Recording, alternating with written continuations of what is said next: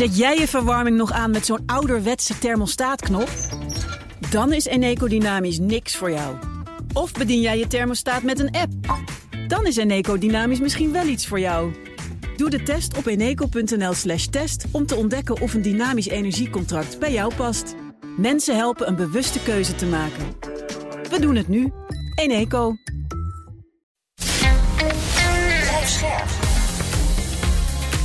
BNR Nieuwsradio. Boekenstein en de Wijk. Nina van den Dungen. Welkom bij Boekenstein en de Wijk. Het is vandaag vrijdag, dag 569 van de oorlog in Oekraïne. Hoop gebeurt de afgelopen 24 uur in de lucht aan het front. Rob, om bij jou maar te beginnen. Ja, op de grond. Ja, het uh, veroveren van Avdiivka is denk ik het allerbelangrijkste nieuws op dit ogenblik. Ik raad iedereen weer aan om de kaart er even bij te kijken. Eh, bij te pakken. Want eh, je ziet eh, het stadje nauwelijks liggen. En je ziet ook bijna niet op de kaart wat er nou precies veroverd is. Dus voordat we nou weer helemaal gaan juichen dat dit nou de grote doorbraak is. Het is weer een succesje. Ja. Dus het is een tactisch succes. Belangrijk om dat nog een keer te zeggen. Het is een tactisch succes, dus een lokaal succes. Hartstikke goed dat dat gebeurd is in mijn optiek. Uh, maar het wordt pas een strategisch succes als je er 200 uh, bij elkaar op uh, ja, kunt. Want dit ligt vlakbij Bachmoed, hè? Ja, dat ligt even pakweg een kilometer of 40 of zo ten, onder, ten, ten zuiden van Bachmoed. Ja. dus ja, belangrijk. maar dat laat onverlet dat die hele discussie op dit ogenblik over ja, is het succesvol of niet, gewoon doorgaat. En je ziet dus nu ook in de media, ook belangrijke media zoals Economist beginnen nu discussies te ontstaan over de vraag van ja, wat is hier nou eigenlijk fout gegaan?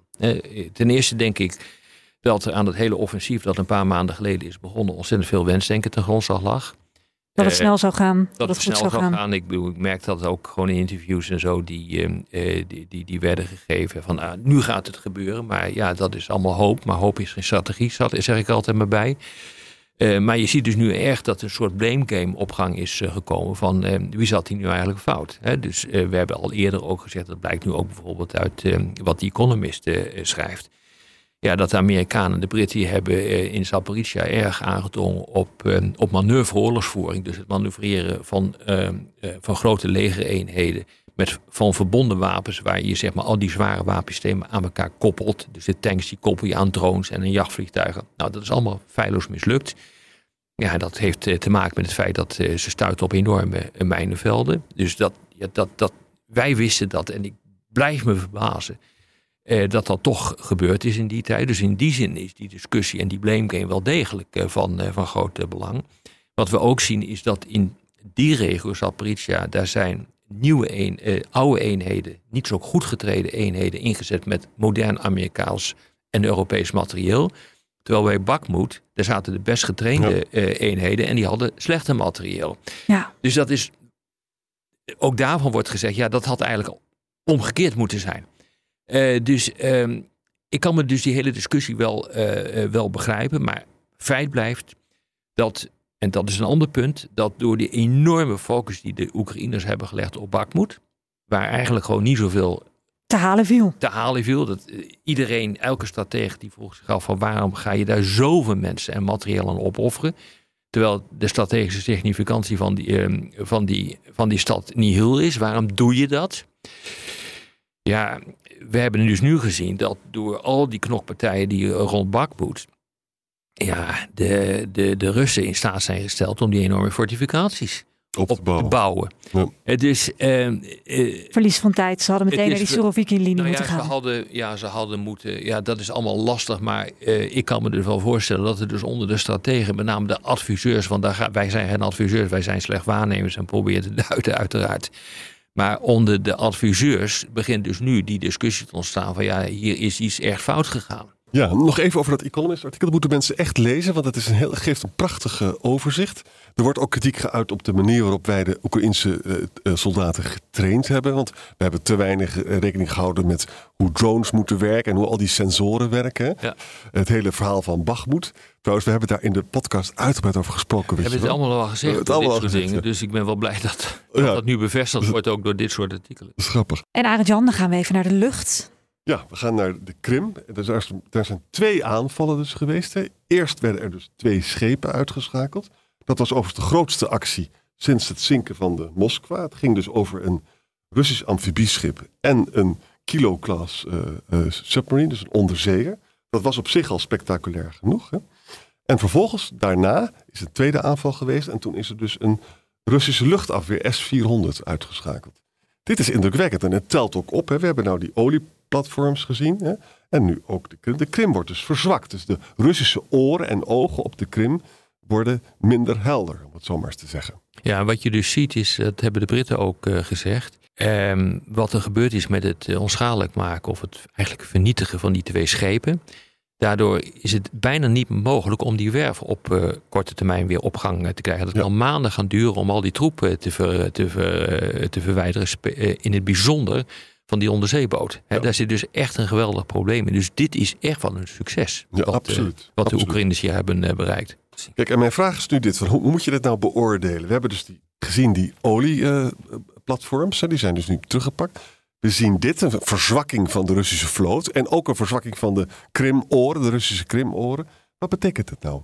Is dit decisive of is dat, is dat niet? Nee, dat is nooit, nooit beslissend. Dat, dat, dat, zo mag je er nooit tegen aankijken. In een oorlog zijn dit soort dingen nooit beslissend. Maar wat we nu zien, op dit ogenblik is dat het eigenlijk een totale oorlog aan het, uh, aan het worden is. Uh, waarbij de Russen zoveel mogelijk proberen om de graanexporten te, te ontregelen door middel van aanvallen. En ik zag die cijfers, er zijn er ruim 100 geweest, waardoor 3 miljoen ton graan eigenlijk verloren is gegaan. Dus dat is een geweldig probleem. En wat de Oekraïners nu proberen te doen, is om de logistiek, die vooral via de Krim loopt, voor een aantal gebieden in het bezette gebied, om die te ontregelen. Ja. Nou, dat, dat, dat begint steeds beter te lukken. En dat heeft ook te maken met het feit dat ze hun eigen systemen daar voor kunnen gebruiken. Lange afstandssystemen. Die Neptune die je net noemde, is daar een mooi voorbeeld van. Maar ook Storm Shadows zijn daarvoor ingezet. Ja, als we dan even bij de lucht blijven. Rusland zou opzettelijk een Brits spionagevliegtuig hebben willen neerhalen. Ja, dat is geweest op 29 september vorig jaar, dus in 22. Uh, we wisten natuurlijk dat dat incident daar was, dat er had plaatsgevonden. Voor mij werd het ook een keer genoemd in onze, in onze podcast. Maar toen leek het alsof dat een foutje was geweest. En dat blijkt dus niet het geval te zijn. Dus er zijn nu uh, allerlei uh, uh, communicaties tussen die vliegtuigen en tussen de grondbasis van die vliegtuigen. Die zijn, die zijn openbaar gemaakt. En daaruit blijkt gewoon dat ze de opdracht hebben gekregen om, om te schieten. Haal dat neer.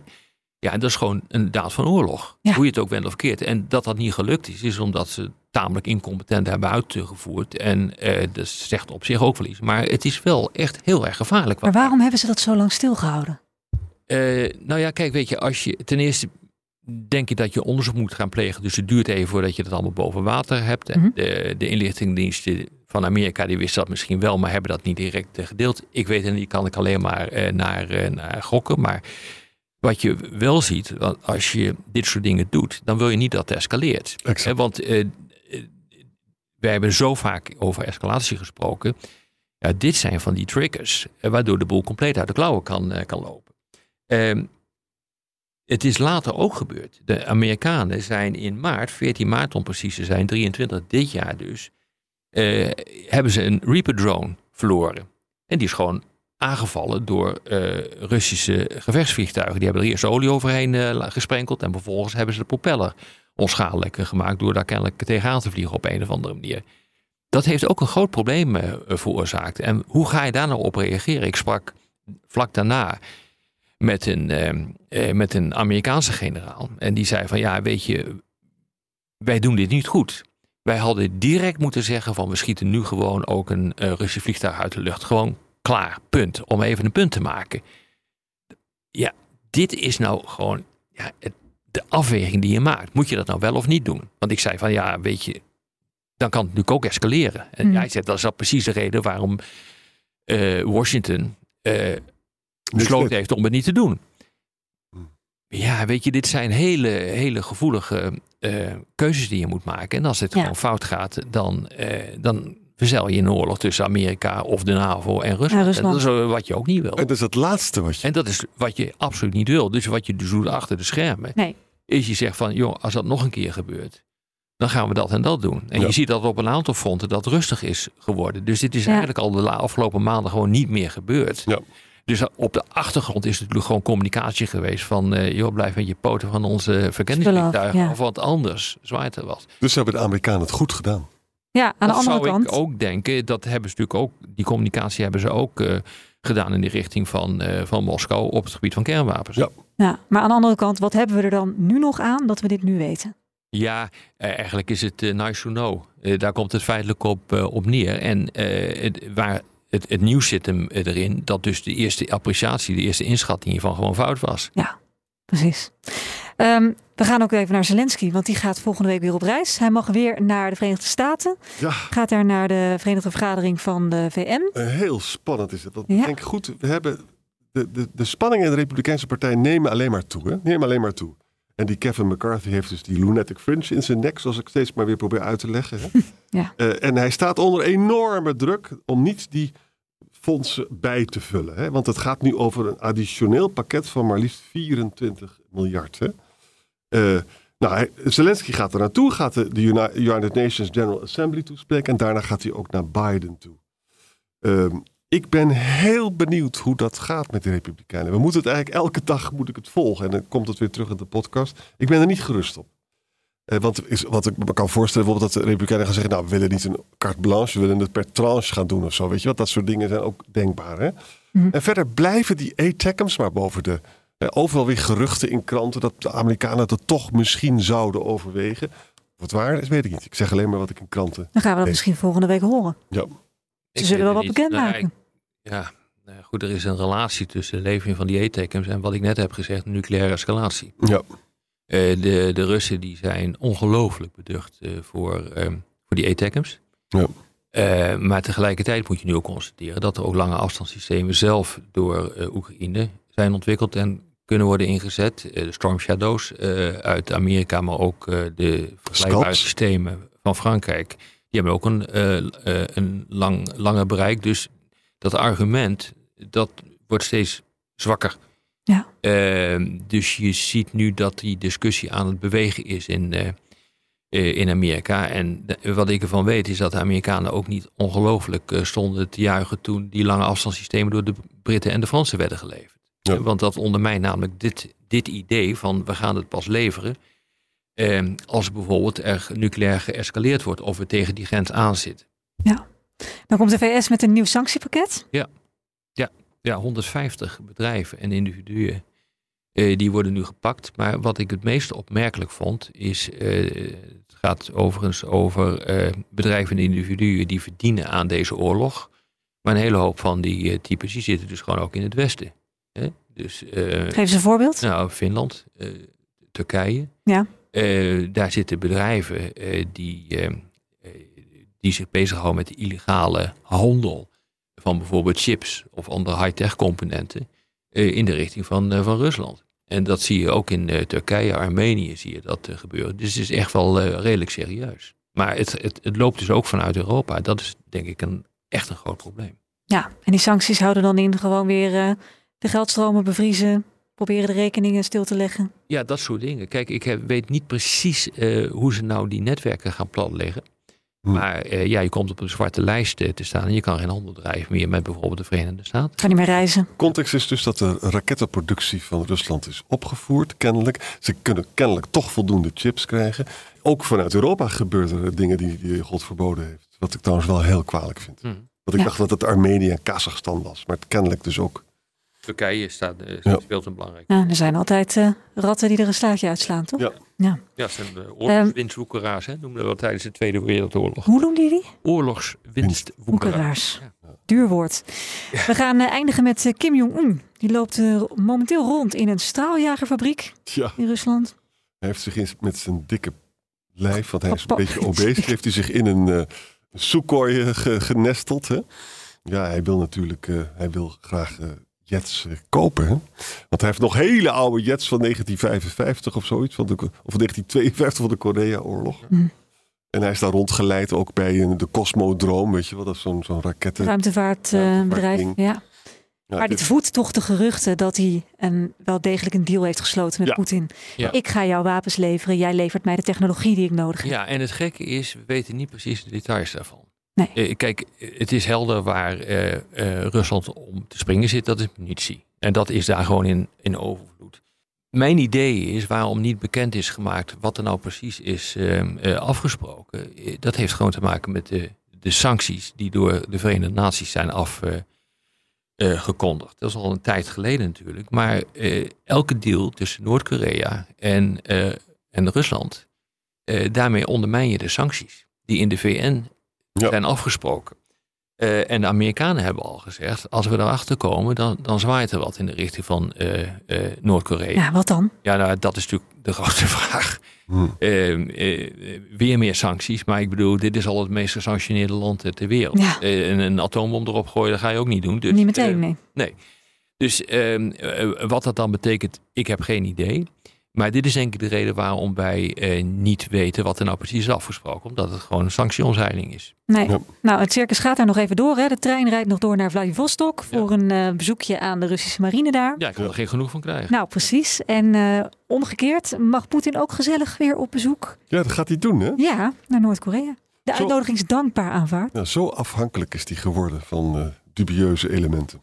Moeten we daar nou blij mee zijn Duit, nou ja, het duidt Dus op heel gevaarlijk, want hij wil dus ook technologie van Rusland heeft hij nodig voor zijn raketten. Nee, het is, de wereld wordt er niet veilig. Nee, maar het duidt wel op een zekere mate, eens hè, maar het duidt ook op een zekere mate van isolatie van deze. Enorm. Dus Ja. als je het echt gewoon moet hebben van eh. Iran en Noord-Korea, Dan ben je toch wel de paria van de wel- wereld. dan heb je wel een probleem hoor. Dit was Boekenstein in de Wijk van vrijdag 15 september. Morgen is Europarlementariër Bart Groothuis te gast. Dan praten we uitgebreid over de Europese defensiesamenwerking en beantwoorden we een hele hoop luisteraarsvragen. Tot dan! De toekomst roept. Minder CO2. Lies je mee? Dit is het moment om te kiezen voor de Tesla Model 3, Toyota Pro-Ace Electric of Volkswagen ID3. Uitstoot verminderen doe je samen met mobilityservice.nl.